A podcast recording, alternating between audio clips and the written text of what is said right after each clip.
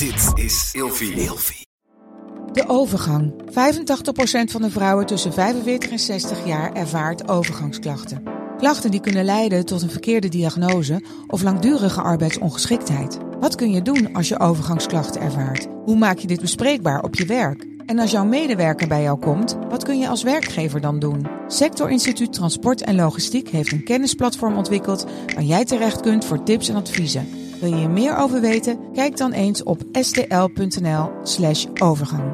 Gezonde voeding en beweging zijn al van kinds af aan een belangrijk onderdeel van mijn leven. Via Atida Pure heb ik nu een persoonlijk advies gekregen waarbij ik suggesties heb voor mijn dagelijkse benodigde aanvulling van vitamine en mineralen. Bij Atida Pure geloven ze niet dat iedereen hetzelfde is en dat iedereen wat anders kan gebruiken aan voedingssupplementen. Er zit 15 jaar aan ervaring in de supplementen, ze zijn wetenschappelijk onderbouwd en van de hoogste kwaliteit. Dus wil jij, nou net als ik, goed voor jezelf zorgen, lekker in je vel zitten en bewust met je lijf omgaan? Met de code Nienke ontvang je nu 50% korting op je eerste bestelling. Check de website van Atida Pure in de show notes en maak vandaag nog jouw eerste bestelling.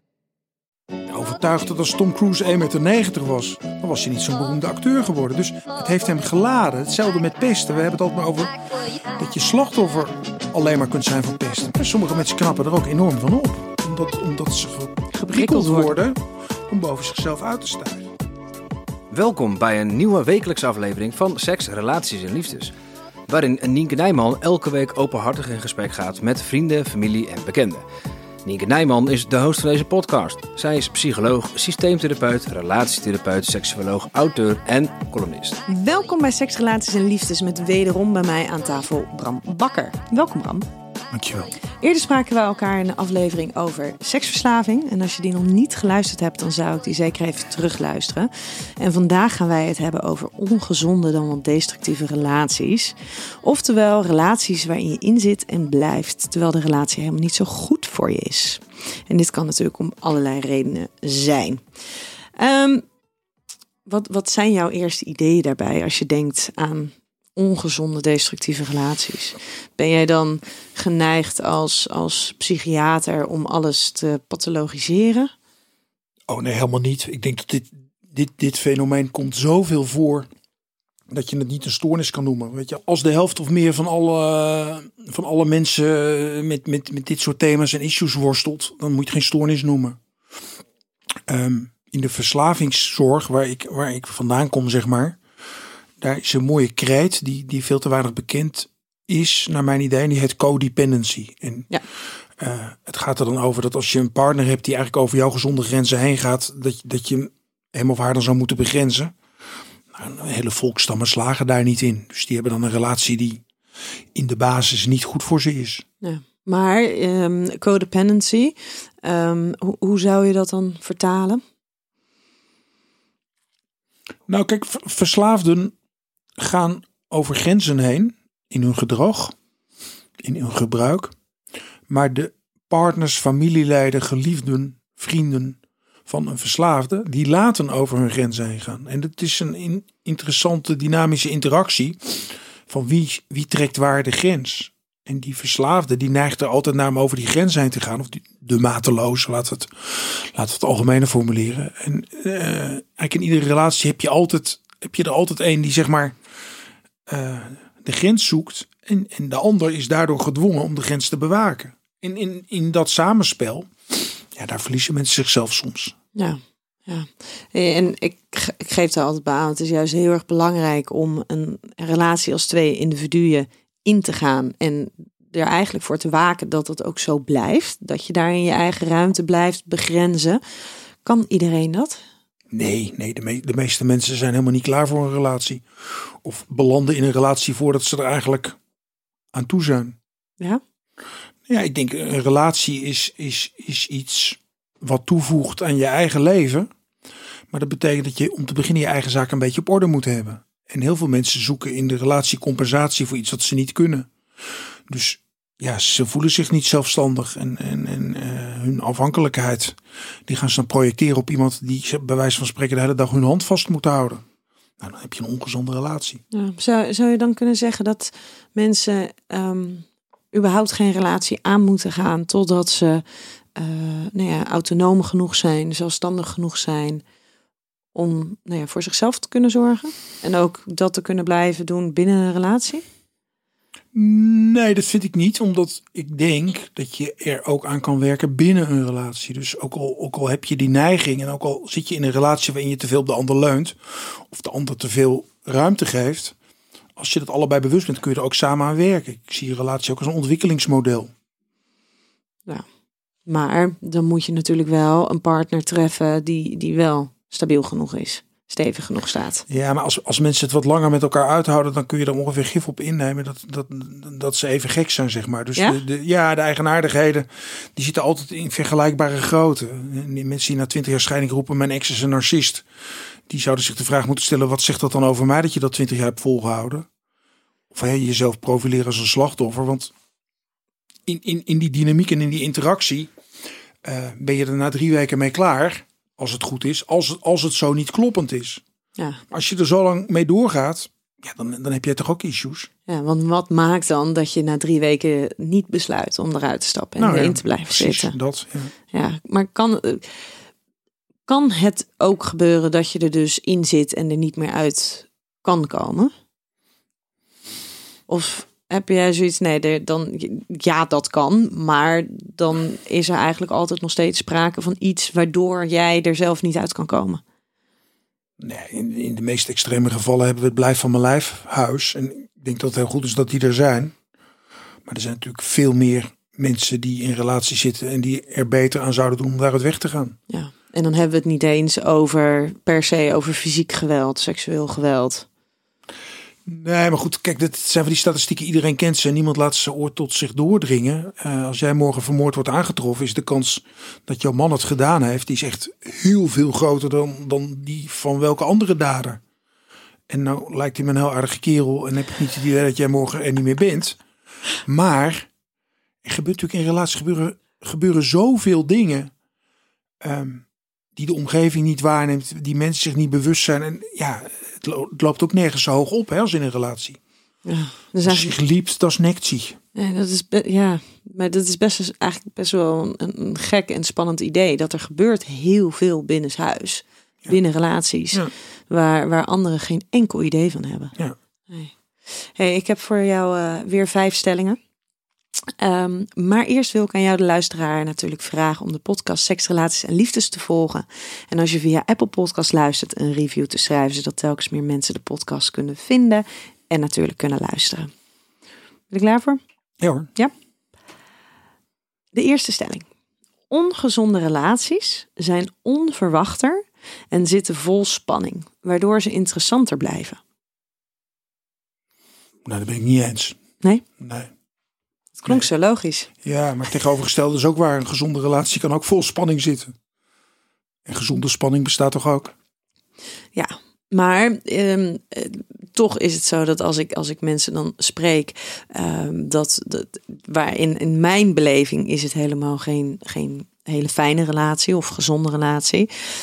Ehm, dat dat wel een element is wat hen trekt.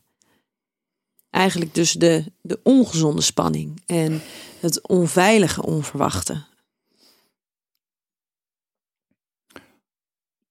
Ja, maar er speelt ook heel erg in mee wat mensen, hoe mensen er naar kijken. En dan moet iedere relatie beginnen met dampende en spannende seks. En dat moet je dan zo lang mogelijk volhouden, want anders eindigt het met eh, in hetzelfde trainingspak, eh, ieder jaar naar dezelfde camping. ANWB-stelletjes. Ja, de, A- de ANWB-setjes. En dat is dan een soort schrikbeeld. Dus daar moet je dan vandaan blijven. Dus, ehm, ja, dus, dus, dus ga je schuiven met je grenzen. En als, als je partner zegt, zullen we naar een parenclub? Denk je nou, eh, misschien moeten we dat dan maar proberen. Want alles beter dan ANWB. Dat, dat, dat speelt op de achtergrond echt een hele grote rol, denk ik. Ja, dus dan zou je niet zozeer zeggen dat het, dat het interessant blijft en prettig is, maar dat je daarin dus meer uit angst dat, dat je in een sleur terechtkomt. En dan uit angst dat het iets wordt wat je niet wil dat het wordt. Waardoor je eigenlijk ook in een hele ongezonde situatie komt. Nou, mijn, mijn idool die jij ongetwijfeld kent op seks- en relatiegebied, dat was Snarg. Die, is- die is dood. Snarch, Die heeft, ja. ja. die heeft prachtige boeken geschreven. Nou, Snars, hoe je het maar uitspreekt. Snatch. David Snatch. Ja. Snatch. En die had op een gegeven moment de anekdote in een van zijn boeken. ehm, die erover ging dat je dan zo'n echtpaar had. wat dan in een restaurant tegenover elkaar zat te eten. En je zag aan alles dat ze al 30 of 40 jaar samen waren. En ze zeiden niets tegen elkaar. En de hele wereld vindt daar dan iets van. En die, hè, de mensen, de tafeltjes omheen, die zeggen tegen elkaar: ze ze zeggen helemaal niks tegen elkaar. En uh, jemig, als het, als het tussen ons zo eindigt. En hij wees er terecht op dat, dat het niet meer of minder was dan de situatie tussen die twee mensen. Dus dat ze het zelf zover hadden laten komen en dat, dat er niks gezegd werd, omdat ze elkaar niks meer te vertellen hadden. Ja. Nou, als je dat anders wil, ja, dan heb je, heb je een uitdaging. En eh, gelukkig kwamen er dan ook stellen bij hem die zeiden, nou ja, eh, we zijn 40 jaar samen en we hebben al 20 jaar geen seks en dat vinden we toch eigenlijk niet leuk. Nou, daar bleek dan heel veel aan te doen te zijn Ja. door er beweging in te brengen. Maar het is niet zo dat wij allemaal na 40 jaar zo gaan eindigen hoor. Nee, maar daarin zit natuurlijk ook een verschil. Wat wil je? En misschien vind je het dus wel heerlijk comfortabel, rustig en stabiel. Dat je in ieder geval iemand hebt om na 40 jaar mee aan tafel te zitten. En dat je dus nog wel uit eten gaat. En dan heb je elkaar misschien inhoudelijk niet meer heel zo, zo heel veel te vertellen. Maar voor sommige mensen is dat ook helemaal niet zo heel erg erg. Nee, maar kijk, ik weet niet. Hè. En hier, hier kom ik ook bij iets waar ik dan persoonlijk mee stoei. Ehm, is het erg of is het, ehm, is het het afzien van bepaalde behoeftes? Want ik geloof namelijk wel dat wij een soort intrinsieke behoefte hebben om, om, eh, om elkaar aan te raken en te knuffelen. En daar komt dan ergens seks ook om de hoek kijken. En als dat er dan ook niet meer is, dan vraag ik me af hoe het dan zit. Want ja, mijn, mijn fantasie is dat dan toch die man of die vrouw dat stiekem ergens ook wel een beetje moet gaan missen. Of een van de twee gaat meer missen dan de ander. En wat gebeurt er dan? Nou, en dan, dan, dan, dan duiken de gevaren op. Ja, maar dat is eh, dat. Ja, en dat is natuurlijk eh, een van de dingen die wij in onze andere aflevering samen even hebben besproken. Daar zit dus wel ook een stukje, want daar ging het namelijk ook over behoeftes en wat gebeurt er en wat heb je nodig waardoor je een bepaald gedrag gaat uitoefenen. Ehm, maar dat is natuurlijk met dit soort behoeftes dan ook. In hoeverre ben jij je ervan bewust wat jouw behoeftes zijn? In hoeverre ehm, heb je dat stukje zelfreflectie? Nou, dat is één. Eh, dus durf het je bewust te worden. En twee is, als je dan in een, in een, in een duurzame relatie zit, durf het dan ook nog eens hardop te zeggen. Ja. En eigenlijk niet pas na twintig jaar als er al twintig jaar geen contact is geweest. Nee, ja, dat, dat, dat was ook zo'n anekdote van onze held. Dat ging erover dat, dat, dat stel die dus geen seks meer hadden, dan uiteindelijk door hem werden verleid om met elkaar fantasieën te gaan delen. En ik staat mij bij dat die vrouw vertelde dat ze dan een fantasie had dat ze op haar werk bij het kopieerapparaat stond. En er kwam iemand achter haar staan en die schoof de rok omhoog en die drong zo bij haar naar binnen. Nou, en die man die hoorde dat verhaal die werd zo ongelooflijk opgebonden. Eh, dus ineens hadden ze weer seks. En eh, daarna heeft hij geloof ik een kopieerapparaat gekocht en op de, slaapkamer geïnstalleerd. Ik weet niet hoe het verder ging. Maar dat sna iedereen snapt dat. Ja. Iedereen snapt dat. Ja, en even voor de luisteraars, Snars die eh, is in, heeft een eh, heleboel hele interessante ideeën gehad. Ehm, maar hij was af en toe ook wel vrij ehm, ja, direct en ongenuanceerd. Hè, Ja, daarom als- vind ik hem zo leuk, denk Ja. ik. Ja, nee, maar zet het gewoon op scherp, joh. Kijk, Ja. het, het, gaat, het gaat er niet om of ik gelijk heb. Het gaat erom of ik, of ik, of ik iemand op een idee kan brengen. En, so- en soms moet het een En beetje soms bruut. moet je dan inderdaad even vanuit een ander perspectief eventjes een andere, andere richting opbewegen dan dat ze al die tijd hebben gedaan. Nou ja, je, moet, je, moet, je moet mensen ook een beetje ontregelen. Ja, dan moet ik de hele dag aan ze vragen hoe het met hun gevoel is. En ja, ik vind het allemaal fijn om, om, om, dan op een gegeven moment te vragen of de onderbuik het ook nog doet. En dan kijken ze je aan van, ja, maar daar kom ik toch niet voor? Dan denk je, come on. Ja. Hey, en de, de, de, de volgende stelling, en ik ben benieuwd of we dan ook nog even terug kunnen komen op wat jij net hebt gezegd. Een relatie is pas destructief of ongezond als er sprake is van mishandeling of verslaving. Nee, dat, dat is niet zo. Nee, er zijn, er zijn heel veel ongezonde relaties eh, die daar eindigen. Maar er zijn dus ook heel veel relaties die zijn, die zijn daarnaar op weg. Dus die zijn al ongezond. Alleen, alleen de objectieve aantoonbare symptomen, die, die zijn er nog niet. Maar er- zijn ongelooflijk veel relaties waarin een van de twee partners over de grenzen van de andere partner gaat. En die, die zijn echt al heel ongezond zonder, zonder aangifte of zonder strafdossier.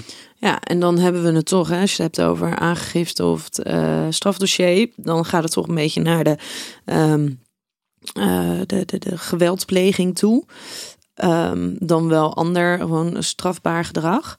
Maar wat nou als we het hebben over zo'n stel wat daar zit, wat al 40 jaar samen is, wat geen woord meer tegen elkaar weet uit te spreken eigenlijk. Op zich is het wel gewoon een rustig, mhm. stabiel tafereeltje. Um, dus geen sprake van agressie of, of dat soort dingen. Maar ze hebben elkaar eigenlijk al, nou ja, 20 jaar niks meer te melden. Ja. Vind jij dat ook een ongezonde of destructieve relatie? Wel, nee. Nee, dat, dat, dat geeft weer waar die mensen zich bevinden. Onderling in, in, in hun samen zijn. Kijk, het, het, ongezonde kan erin zitten wat ze, wat ze dan buiten die relatie aan uh, vreemdsoorten gedrag vertonen. Mm -hmm. is natuurlijk... Stel dat dat is er niet. Ja, wie zijn wij om het dan ongezond te noemen? Mm -hmm. Dat ben ik helemaal met je eens. Ja, nee. Dat ben ik helemaal met je eens. Maar wat nou als um, want jij hebt het, hè? Wanneer is het, wanneer is het ongezond? Nou, als er grenzen worden overschreden. Ja. Wat nou als eigenlijk bijvoorbeeld die man of die vrouw of hè, hoe het stel ook is, uh, is samengesteld. Wat nou als een van beide partners um, eigenlijk wel het verlangen heeft naar meer, naar anders. Maar dat dat door de manier waarop die relatie is vormgegeven, dat er geen ruimte voor is. In principe wordt er dan ook continu over haar grenzen heen gegaan. En is zij ook continu aan het incasseren. Het zijn geen woorden, het zijn geen klappen en het is geen um, ander uh, abusive behavior. Ja. Maar dan is iemand wel continu aan het incasseren. Ja, nou, ik, ik, ik denk dat ik relatief veel van dat soort mensen zie. Uh, om, omdat dat dit vaak mensen zijn die depressief of angstig zijn en ook een relatie hebben. Dus dit, dit uit zich heel vaak niet in de vorm van een relatieprobleem. Dit, dit uit zich heel vaak in dat iemand ongelukkig is en klachten heeft. Maar dat er een verband is met die relatie. Nou ja, het is het is heel simpel. Um, of, of, of er gaat iets gebeuren in de relatie. Of de relatie stopt. Omdat ik denk, ja, weet je, heel veel klachten, die, die, dan is de klacht abnormaal. Maar heel vaak zit er een abnormale situatie voor. En dan is de klacht niet meer dan een logisch voortvloeisel van iets ongezonds. Nou ja, als je in je relatie niet tot je recht komt, niet wordt gezien, niet wordt gewaardeerd om wie je bent en jouw verlangens hebben daar geen plek, ja, dan mag je hopen dat je klachten krijgt. Dus dan zou het dus wel degelijk een ongezonde relatie zijn. En dan komen de klachten niet zozeer tot uiting binnen de relatie, maar um, veel meer in andere psychologische problemen. Ja. Bijvoorbeeld angstklachten, stemmingsklachten. Ja, nou ja dit, dit is natuurlijk een van de grote, grote problemen achter de, achter, achter de hele DSM-gekkigheid. Dat zijn allemaal individuele kwalen. Uh, die, die gefantaseerd worden hersenziektes te zijn. Dus uh, het gaat over serotonine tekort in plaats van, van een dysfunctionele relatie. Ik ben overtuigd dat we daar de weg helemaal kwijt zijn geraakt. Dat natuurlijk veel meer psychische klachten uitvloeisel zijn van systeemproblematiek. En dat hoeft nog niet eens een liefdesrelatie te zijn. Dat kan ook de relatie met ouders of met kinderen zijn. Of met je broer of zus. En, en dat dat heel vaak resulteert in klachten. Omdat je niet in je systeem de ruimte hebt om te zijn wie je bent. En dat vind ik, daarom, ik ben ook opgeleid tot systeemtherapeut. Um, Moeten alle psychiaters voor straf ook doen? Nou, ik denk niet alleen alle psychiaters. Ik denk dat dat ook alle psychologen moeten zijn. Want het is inderdaad wat een van de dingen die ik heel lastig vind, is dat je in heel veel instellingen iemand komt met een, met een hulpvraag. Hè? Iemand komt met een klacht, wordt een hulpvraag geformuleerd. En vervolgens wordt er binnen heel veel instellingen een protocol Mhm. losgelaten. Maar dat protocol, dat is inderdaad van nou, wij gaan in acht stappen, gaan wij naar klachtverlichting toe. Ja. En die kijken, daarbij wordt helemaal niet naar gekeken, naar van maar wat is eigenlijk de oorzaak van het probleem? En zeker zo'n zo'n partnerrelatie, maar ook ja, alle vormen relatie, ouder-kindrelaties, kind-ouderrelaties. Weet je, dat, daar, daar zit heel veel in wat dermate veel spanning en stress kan veroorzaken, dat dat tot uiting komt in andere mentale klachten. Ja. Ik ben, ben het helemaal eens, maar uh, Ik, ik noem de psychiaters omdat die zo monomaan worden opgeleid in dat, dat, in dat ziektemodel. Een ziekte is altijd van een individu. Ja. Weet je, als jij je been hebt gebroken, dan heeft dat niks met je relatie te maken. Tenzij, tenzij je partner het op zijn geweten heeft. Maar alle gebroken benen worden bij alle individuen hetzelfde behandeld. En 99 van de 100 keer vinden wij dat ook helemaal prima. Want gewoon dat bot moet gerepareerd. En, en dat is het verhaal. Maar als je kijkt naar psychische problematiek, naar klachten, naar ellende op dat terrein. Dan, dan, dan, dan denk ik dat de overgrote meerderheid een systeemprobleem heeft wat, wat daarin mee resoneert. Nou, dat zijn we natuurlijk helemaal vergeten om, om dat mee te nemen in ons denken. Ja, daarin zijn jullie eigenlijk, eh, nou ja, jullie. Ehm, maar ja. ook, ook, ook psychologen ook, hè, die worden eigenlijk heel individualistisch. Nee, maar hoe hoger je wordt als psycholoog, hoe meer je op een psychiater gaat lijken. En dan sta je op een, op een dag bovenaan de Bavianenrots en dan mag je DSM-stickers plakken. Ja, in plaats van kijken naar de mensen. Precies dat. Ja. Ja. dus blijf, blijf maar een gewone psycholoog. Dan heb je meer aandacht voor het systeem. En die dan ook nog eens als systeemtherapeut is opgeleid. Hè? Dus Ja. dat is wel, het maakt wel echt een verschil. Ehm, de derde stelling. Als je onveilig gehecht bent, is de kans groter dat je in een ongezonde relatie terechtkomt. Ja, dat is, dat is een volstrekt open deur. Ja? Ja, hoewel het besef van onveilige hechting natuurlijk, weet je, dat, dat is denk ik, dat is, dat is waar je dan in een therapie aandacht aan moet besteden. Omdat de bulk van de mensen die onveilig gehecht is, daar helemaal geen besef bij heeft. Nee. Dus mensen realiseren zich helemaal niet hoe ze, hoe onveilig gehecht ze zijn. Ja, en als we het hebben over hechting, dat is eigenlijk het proces ehm, dat vanaf het moment, eigenlijk nog dat je, dat je in de, de, de buik van je moeder zit, al, al, plaatsneemt. En dat gaat erover in hoeverre zijn jouw ouders beschikbaar voor jou? Kunnen zij jou de emotionele steun geven die je nodig hebt? Kunnen ze jou woorden geven voor de emoties die je toont, zonder dat zij daarin zelf in de stress raken? Eh laat ze weten dat jij het waard bent om van gehouden te worden, dat je oké bent als persoon zijn, dat je gewenst bent.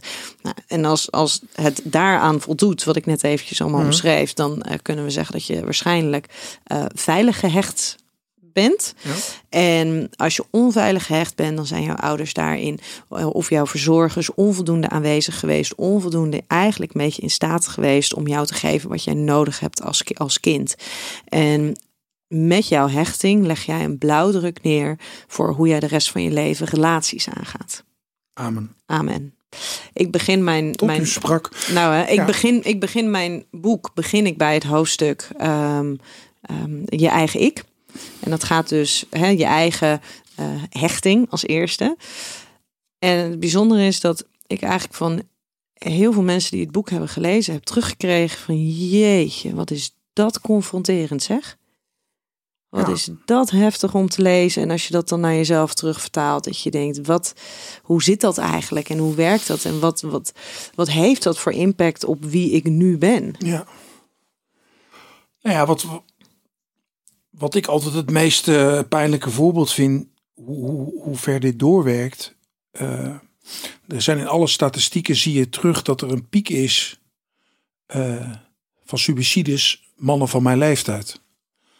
En mensen hebben dan nog vaak wel nou, het, besef dat zo iemand die dat doet, dat die onvoldoende gehecht was aan het leven. Maar ik ken eigenlijk niemand, en ik heb, ik heb er helaas veel meegemaakt. Ik ken niemand die zich suicideert die niet een bazaal hechtingsprobleem had. Want als je namelijk gezond gehecht bent, je, je, bent, je bent vader van een gezin met kinderen, dan, dan kan het bijna niet dat je dit leven wilt verlaten. Dat kan eigenlijk alleen maar als er, als er ergens een groot gat zit, een groot gebrek.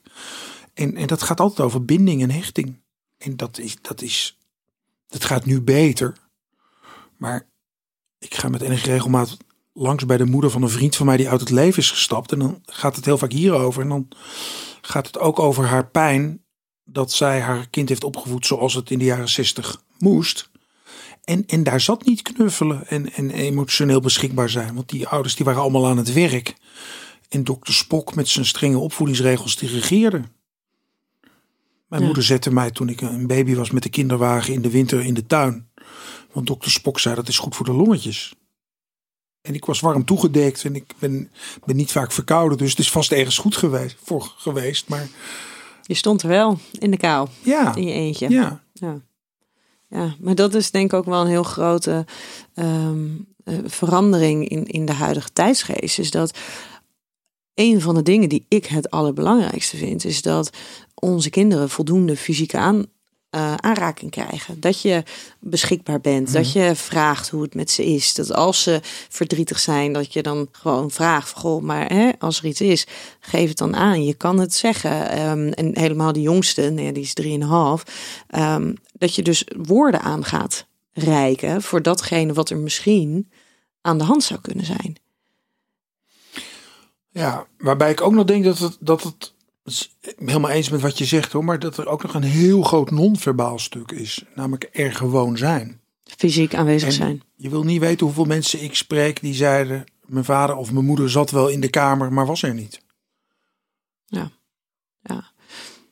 En het is De natuurlijk. kinderen spelen en je man zit achter een krant als achter een muur. Herman van Veen, 1970. Weet je, dus dat toen al kwam dat in een liedje aan de orde. Ja, en het is een wel wat, wat wel belangrijk daarbij is dat hè, in, nou ja, het zou heel fijn zijn als zowel vader als moeder ehm, altijd aanwezig is en beschikbaar is. Maar ik ben bijvoorbeeld opgegroeid in een, in een gezin waarbij mijn moeder wel altijd beschikbaar was en aanwezig was. Ehm, maar mijn vader die, die werkte gewoon 80 uur in de week en die was eh, de, de, de helft van de tijd in het buitenland. Dus fysiek gezien was hij niet aanwezig. Hij is pas rond mijn achttiende meer in beeld gekomen. Ehm, en toch denk ik dat ik heel veilig gehecht ben. Dus het is niet zo dat als er één ouder afwezig is, dat je dus per definitie onveilig gehecht bent. Ehm, als er een andere ouder is die dat volledig kan ondervangen. En ik denk dat er ook een soort van ehm, begrip is, compassie is, waarom de andere ouder afwezig is. Dat dat daarin ook een belangrijke rol kan spelen. Ja. Maar je weet het ook niet, hè, Nienke. Want als jij nou over een tijdje verkering hebt met een 25 jaar oudere man, ja. Dan gaan we toch, ook jij, wel een beetje fantaseren dat, dat die man iets aantrekkelijks heeft ook. Nou, ik heb nu al negen jaar ouder. nee, daar gaan we het niet over hè, hebben. dus- Nee, maar, nee, maar, nee, maar echt, echt een stuk ouder. Ja. Dus dat je dan, ook al ben je veilig gehecht, dat toch een vaderfiguur aantrekkelijk is vanwege iets wat hij brengt wat jij niet kent van jouw vader. Ja. Nou moet ik wel zeggen dat, dat hij vanaf mijn achttiende wel een echte vaderrol heeft Nee, we, gaan ingenomen. jou, we gaan jouw vader helemaal niet zwart maken. Oh want ja, die- maar dat hoeft voor mij ook helemaal Nee, niet zwart die- die- maken nee, hoor. maar- Nee, maar daar die ben ik idee- helemaal oké mee. Nee, maar die deed ook maar wat, wat de tijdgeest hem ingaf. En ongetwijfeld houdt hij ziel er veel van van hem, je. Dus nou ja, en wat er van hem gevraagd werd Ja. in zijn werkpositie. ja, maar het, wat ik wil zeggen is, het, het, het, het heeft wel invloed. En kort, kortweg zeggen, ja, ik ben wel goed gehecht, ondanks het... Dat, dat, ik ben bang dat dat ook weer te simpel is. Weet je, je weet uiteindelijk niet hoe je gevormd wordt ehm, Totdat? door, door, door, door je jeugd. En daar komt altijd de ongrijpbare factor aanleg bij. Maar ik ben wel, naarmate ik langer in het vak rondloop, steeds meer overtuigd dat de omstandigheden veel zwaarder wegen dan de aanleg. Ja. En dat is namelijk ook als je...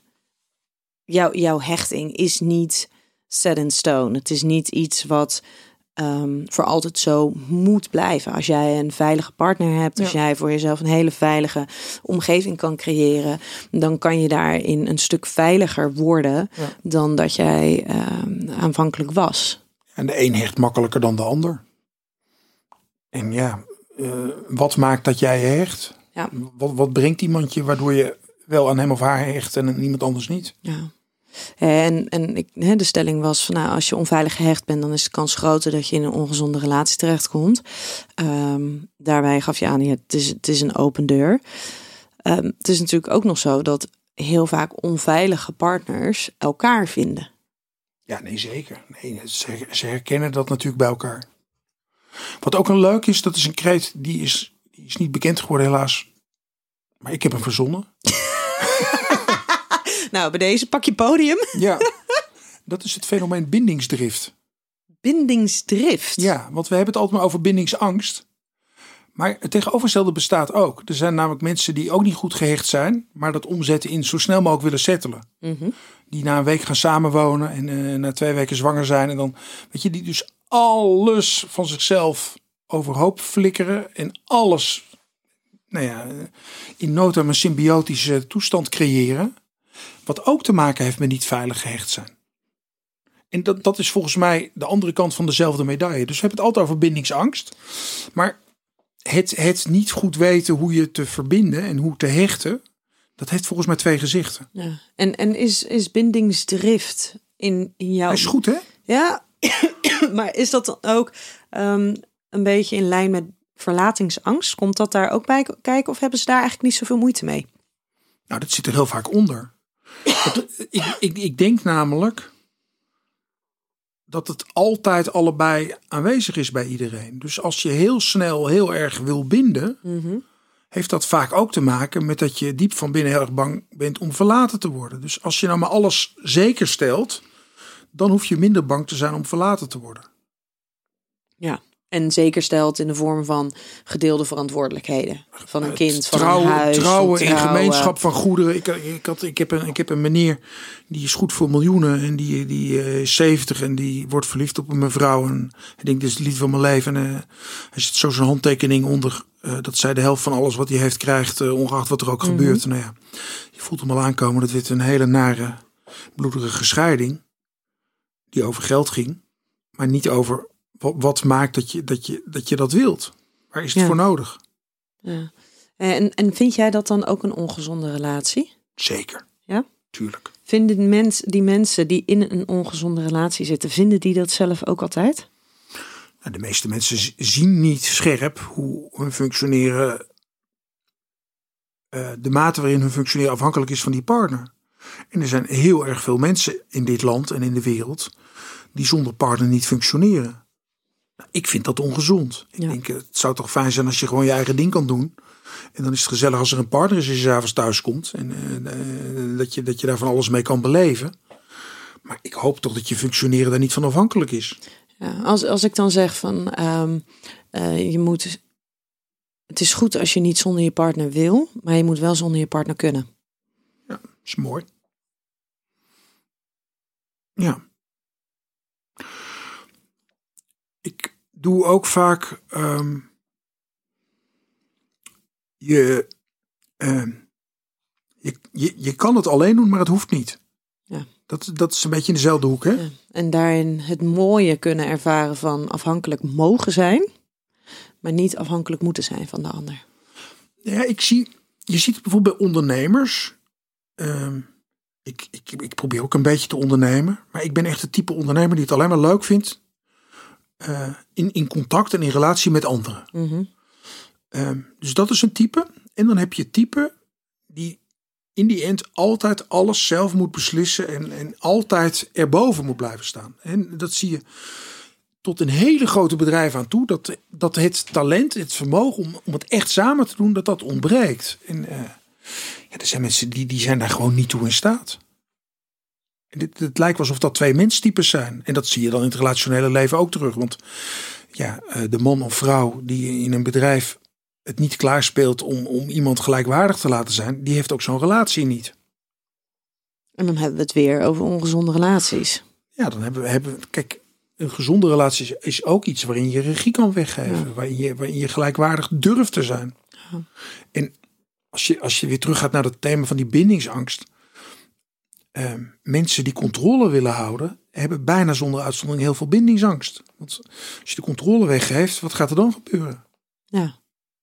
ja, ik vind dat een bijzonder iets, dat hele bindingsangstverhaal. Want ik denk dat er serieus mensen zijn die daar oprecht last van hebben. Maar dat dat veel meer vanuit die hechting komen, komt. Ehm, en dat het ook een beetje een, een, een tijdsdingetje is nu. Hè, waarin heel veel eh, twintigers bindingsangst zeggen te hebben. Maar dat dat veel meer voortkomt uit eh, zich niet willen binden. Doordat ze bang zijn wat ze daarmee allemaal moeten opgeven. En zich afvragen of ze dan wel aan alle verwachtingen nog kunnen verdienen, voldoen. Ja. Plus een ideaalbeeld hebben van hoe een partner en relatie eruit zou moeten zien. En dat nog niet tegen zijn gekomen. Ja. Maar daar zie je ook dat, dat het woord bindingsangst. Dat, dat is een oppervlakkige kwalificatie van iets wat heel complex is en wat heel veel facetten kent. En als je het. eh, als, je, als je het hebt over mensen die. die zich moeilijk kunnen binden, dan heb je ook weer een categorie mensen die dat als het ware ruikt. En die dan denkt: dan moet ik hem of haar gaan redden. Weet je, dat, dat is die, die, die, die idiote Dutroux daar in België die dan liefdesbrieven krijgt in de gevangenis. Dan denk ik, eh, veel ranziger gaat het niet worden. Met minderjarige meisjes verkrachten, opsluiten en vermoorden. En dan gaan er dus vrouwen, die gaan zomaar liefdesbrieven sturen. Ja. Vrouwen die in TBS-klinieken werken, die dan een verhouding krijgen met de TBS-gestelde. Dat is niet gezond, hè? Dus het begint eigenlijk al bij de vraag: waarom wil je als vrouw in een TBS-kliniek gaan werken? Ja, ik, denk, Ik zou het niet kunnen. Ik en ik denk dat je dan issues hebt. En dat is helemaal niet erg. Maar is dat dan de plek om met je issues aan de gang te gaan? Ja. Ik weet niet of inderdaad dat zo zwart-wit is dat iedereen issues heeft. Ik zou het niet kunnen. Ik zou het heel lastig vinden. Nou, ik durf, ik durf wel de stelling aan dat je, eh, dat je met het thema hechting overhoop ligt als je in een TBS-kliniek gaat werken. Ja. Dat, dat durf ik wel aan. En dat is niet een psychiatrische diagnose. Maar dan, dan is dat wel een item in je leven. Want dan ben je wel gefascineerd. Als het een bewuste keuze is dat je daar gaan wil gaan werken. werken. Ja.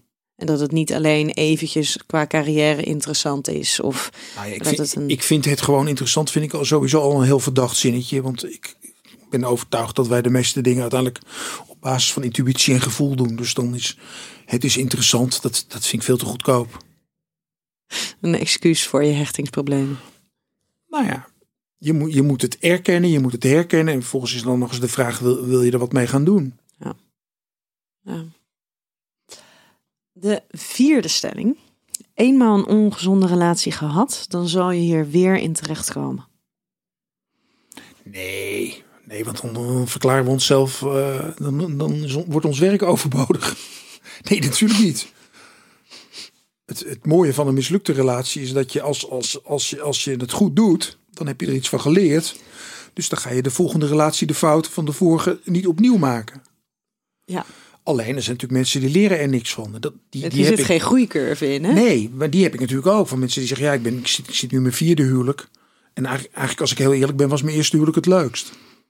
Nou, dat, dat is wel de categorie jammer, maar helaas. En die, die hadden misschien iets eerder moeten komen. Maar mensen die eh, in een ongezond... Want dat is natuurlijk wel vaak een patroon wat je, wat je ziet. Dat mensen ehm, bijvoorbeeld meerdere malen een partner treffen... die ehm, ehm, eigenlijk echt eh, serieel vreemd gaan. Of continu maar over grenzen heen gaan. Continu liegen. eh, dat er sprake is van, van huiselijk geweld. Ja. Hoe komt het dan dat die mensen daarin in wel continu maar weer in zo'n relatie lijken te komen? Omdat ze niet bij de vraag komen wat het over hun zegt. Over Ze overkomt zegt. hen. Dus, ja, ze zijn alleen maar slachtoffer. En dat is psychologisch natuurlijk buitengewoon ongunstig om altijd alleen maar slachtoffer te zijn. Ja, want daar zit een hopelo- helpeloosheid in. Ja, heb ik weer mijn ex was aan de kook en nu heb ik een vriend en die blijkt ook aan de kook te zijn. Nou, dan ben je echt aan de beurt hoor. Dan moet je echt eens gaan bedenken waarom je iedere keer een man treft die kook aantrekkelijker vindt dan jou. Ja, als het op een problematische basis gebruikt wordt.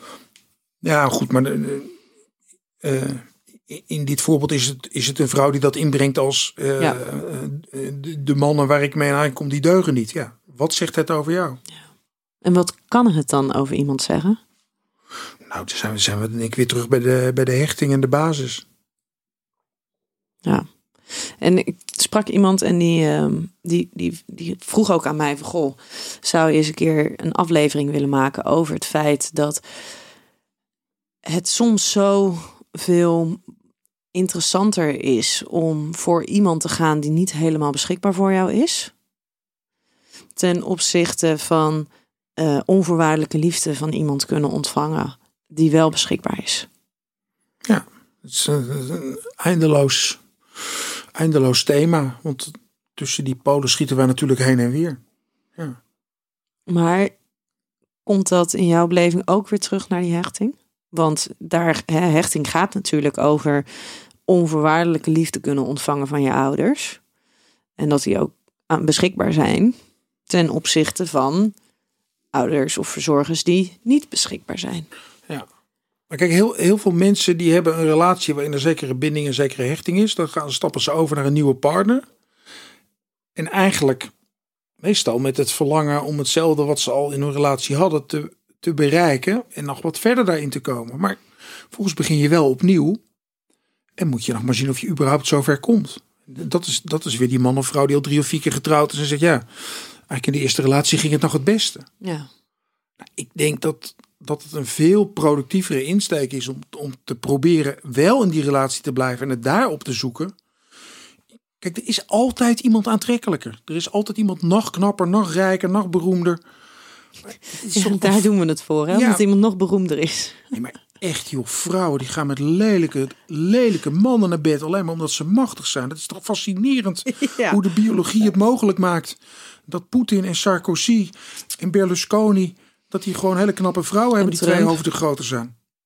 Trump niet te vergeten. Ja, die is nog wel groot. Maar, nee, maar Fysiek. du- dus, dus, dus, dus dat het klaarblijkelijk biologisch evolutionair om ook hele, hele banale, triviale zaken gaat. Ja. Die vrouw van Trump, wat werd ik daar verdrietig van? Denk ik, je bent een prachtige vrouw. En dan moet je naast, moet je naast deze gorilla Mhm, lopen. mhm. Wat doe je jezelf aan? ja. Ik, met haar zou ik nou eens een, een aflevering op willen nemen. Ja, maar je, je krijgt er niks uit. Nee, hè? Nee, Niet zo getraind. nee anders, anders houdt ze niet zo lang vol met hem. Ja. Hey, de laatste stelling. Een sterk, intelligent en autonoom persoon komt niet in een destructieve of ongezonde relatie terecht. Nou, niet is te absoluut, maar ik denk dat de kans dat het gebeurt wel echt heel veel kleiner is. Omdat die veel beter in staat zijn om grenzen te bewaken. Ja. Maar waar we het eerder denk ik ook al even over hadden. Het is niet zo dat je niet sterk, gezond en autonoom mur kan worden binnen een relatie. Ik denk eigenlijk, als, als je steeds allebei helder hebt dat je in de relatie ook jezelf als mens wilt ontwikkelen. Dat het belangrijk is dat je niet alleen als stelletje richting de AWB koerst, maar dat je ook als mens jezelf blijft ontwikkelen. Nou, een partner kan je enorm steunen in weet ik veel, in carrière stappen, in, in, in opleidingen die je gaat doen, in, in, eh, vriendschappen verdiepen, in nieuwe contacten aanboren. En dan is het allemaal heel fijn als je, als je een relatie met iemand hebt die dat, waar je dat een beetje mee kan bespreken Ja. en waar je dat mee kan delen. En dat dat stimulerend is. Ja, en dan dient de relatie al ontwikkeling. Ja.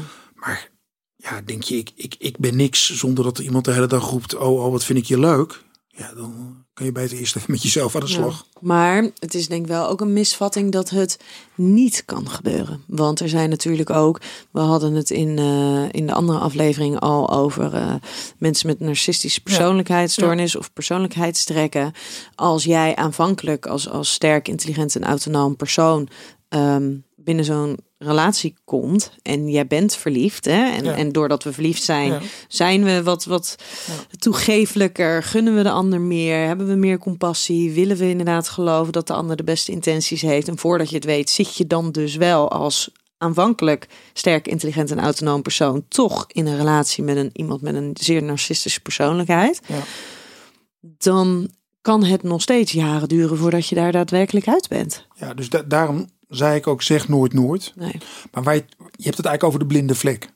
Dus dan heb je best wat ervaring en best wat kijk op mensen. En dan, dan zie je toch iets over het hoofd. Ja. En het, het is een dun lijntje. Hè? Dus als ik, ehm, als, ik, als ik een vrouw leuk vind en ik, ik heb ambities in, in relationeel opzicht, dan vind ik die vrouw de leukste vrouw op aarde. Want dat, dat, dat hoort bij verliefd en bij die ambitie. Ik vind ook wel echt dat zij dat van mij moet vinden. Dan denk ik, ja, maar in de categorie eh, mannen van mijn leeftijd ben ik ook wel echt de leukste. Nou, daar kan je natuurlijk heel, kan je heel makkelijk van maken. Die gasten het wel een beetje hoog in zijn bol. Ja, dat narcistische trekje, dat, dat herken ik wel. Dus het is een heel dun lijntje. Mhm. En dan kan je, als het, als het goed afloopt, kan je zeggen, nee, maar hij is ook echt de leukste. En als het verkeerd loopt, ja, hij had het toen al te hoog in zijn bol. En ik dacht, nou, nou dat, de, de, de- dat neemt wel af. Ja. Ja, nou, ik had laatst had ik nog een vrouw en die vroeg mij of ik haar, haar man wilde eh, beoordelen. Is uiteraard niet gebeurd, maar of ik haar man wilde beoordelen op ehm, of hij narcistisch was. Ja.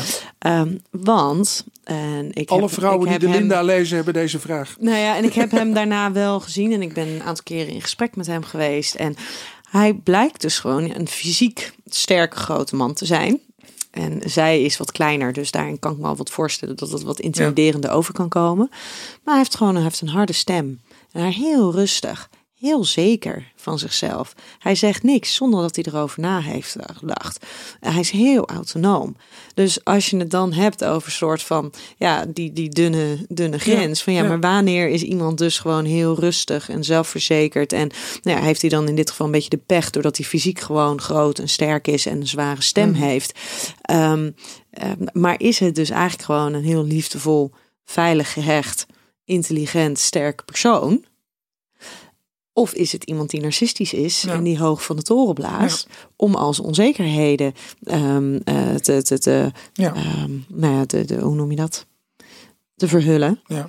En, en jou als het ware te overroelen daarin. Maar dit, dit is ook het subtiele onderscheid tussen narcistische trekken en een narcistische persoonlijkheidsstoornis. Omdat mensen die een grote behoefte hebben om zich te laten gelden, die presteren ook beter. Kijk, heel veel van die kleine mannetjes die de wereldpolitiek domineren, eh, die waren zover niet gekomen als ze 15 centimeter langer waren geweest. Dus in, in, in hun compensatie zijn ze rijk, beroemd en machtig geworden. Ja, denk je dat echt? Ja, kijk naar al die Hollywood-acteurs die op een krukje moeten omdat niemand mag zien dat ze te klein zijn. Dat is echt, dat is echt geen toeval. Oh, De, grootste, komt- de grootste acteurs. Tom ik denk Cruise. dat daar dan mijn, eh, mijn werkambitie vandaan komt. Ik ben overtuigd dat als. Tom Cruise 1,90 meter was, dan was hij niet zo'n beroemde acteur geworden. Dus het, het, heeft hem, het heeft hem geladen. Hetzelfde met pesten. We hebben het altijd maar over dat je slachtoffer alleen maar kunt zijn van pest. Maar sommige mensen knappen er ook enorm van op. Omdat, omdat ze geprikkeld worden om boven zichzelf uit te stijgen. Ja, betekent niet dat iedereen die gepest is nu moet denken: ah, het is mij niet gelukt. Eh, en pesten, dat moeten we natuurlijk sowieso niet eh, laten gebeuren, liever niet. Eh, maar het is inderdaad wel wat je zegt. Hè. Sommige mensen krijgen daardoor net eventjes die drive om, om het niet nog een keer te laten gebeuren. En juist om, om boven zichzelf uit te stijgen, als het ware. Nee, en, en, de vraag, natuurlijk moeten we niet pesten. Ehm, de vraag is wel, en, en ik stel toch altijd graag die vraag. ehm, wat heeft het je ondanks alle ellende ook opgeleverd? Wat, wat heb je ervan geleerd? Want gepest worden is niet leuk, is wel een belangrijke levensles. En het is fijn als er, als er hulp is die, die, die het mogelijk maakt om dat verleden achter je te laten en, en daar niet dag en nacht door getekend te zijn. Maar het is nog fijner als je het kan integreren in wie je bent. En, Ja. en, en dat je het doorleefd hebt en weet hoe fout het is. En tegelijkertijd dat je vanuit die les En sterker en krachtiger bent. Want nou ja, ik denk, hè, dan, de kans dat je een goede hulpverlener wordt is groter met een pestverleden. Ja. Het is geen vereiste, maar als je het goed doorwerkt. Ja. Hey, en als je nou in een fijne relatie zit, die in principe heel gezond is. We hadden het net al even over die, over die bindingsangst. Kan het dan vervolgens ook zijn dat je, dat je zelf je fijne relatie saboteert? Oh, dat gebeurt heel veel. Ja. Dat is eigenlijk wel zonde. Zeker, zeker. Maar je, je ziet natuurlijk mensen zich laten verleiden door een of andere collega waarvan je denkt, wat moet je daarmee? Is niet eens leuk, is niet eens aantrekkelijk. En dan gaan, gaan ze 15, 20 jaar huwelijk, laten ze gewoon op één vrijdagmiddagborrel, eh ja, la, la- laten, ze- laten ze dat weglopen. Ja. En, en waar, waarom gebeurt dat, denk je? Nee, ik, ja, de enige manier waarop ik er naar kan kijken, omdat ik denk dat dat de meest kansrijke manier is, is, is toch omdat er dan klaarblijkelijk iets in jou niet bevredigd is in de relatie die je hebt. Ja, maar dan zoek jij hem wel weer, jij koppelt hem dus wel weer terug naar je eigen partnerrelatie. En tekorten die daarin worden ervaren. Ja, het- ik, ik, vind het, ik vind het per definitie te makkelijk om te zeggen, ja, ik had er gewoon zin in. Mhm. Maar wat nou als dat het wel is, hè? Gewoon, het kon. Het moment was daar, korte termijn beloning was veel groter dan lange termijn gevolgen op dat moment. Ja, met hangende pootjes terug naar huis het opbiechten en, eh, en, en dan kijken hoe je dan samen verder moet of niet. Ja. ja. Maar als iemand dat tegen jou zegt, van ja, maar het kon gewoon. Denk je dan, oké, dat kan, dat mag. Of denk je dan, ben jij nou een pannenkoek? Nee, dat, dat, dat valt in staat met hoe gekrenkt ik ben. En, en ik, ik durf niet een, een universeel antwoord te geven, want het hangt, ook weer, hangt er ook weer vanaf met wie het is. En, en, en, en wat die persoon, welke status of, rol die in jouw leven heeft. Ja, als, als, als mijn vriendin er eh, het bed in duikt met mijn beste vriend, dan is het denk ik wel klaar. Dat ga ik gewoon niet trekken. Maar als, als ze naar een congres gaat in Amerika en ze, ze belandt daar met een of andere onderzoeker uit Australië in bed. En dat is het. Vind ik het nog steeds niet leuk. Maar dat is toch wel een andere orde van grootte. Ja. Dus om nou te zeggen, het is altijd per definitie einde relatie. Of het is altijd per definitie toegestaan. Nee. Maar, maar wel werk aan de winkel binnen je relatie, denk ik. Ja. ja, dus het is heel erg contextafhankelijk. Ja, dat is Ja. het wel. Ja. Hey, ik ben bang eh, dat de tijd er alweer Ja, eh, we gaan weer wat zit. anders doen, ja. Ja. Dank weer voor je wijze woorden en uh, inzichten. Heb jij als laatste nog wat woorden voor mensen die zich afvragen of zij nou in een relatie zitten waar ze misschien beter uit kunnen stappen? Dat eruit stappen is de conclusie, maar iedereen die deze podcast heeft geluisterd en iets van inspiratie heeft opgedaan, wat we natuurlijk enorm hopen, zou ik de uitdaging willen voorhouden om vanavond eens iets met je partner te delen wat hij of zij nog niet van je wist. Dat is denk ik een eerste stapje voor iedereen. Dankjewel daarvoor. Tot een volgende Seks, Relaties en Liefdes.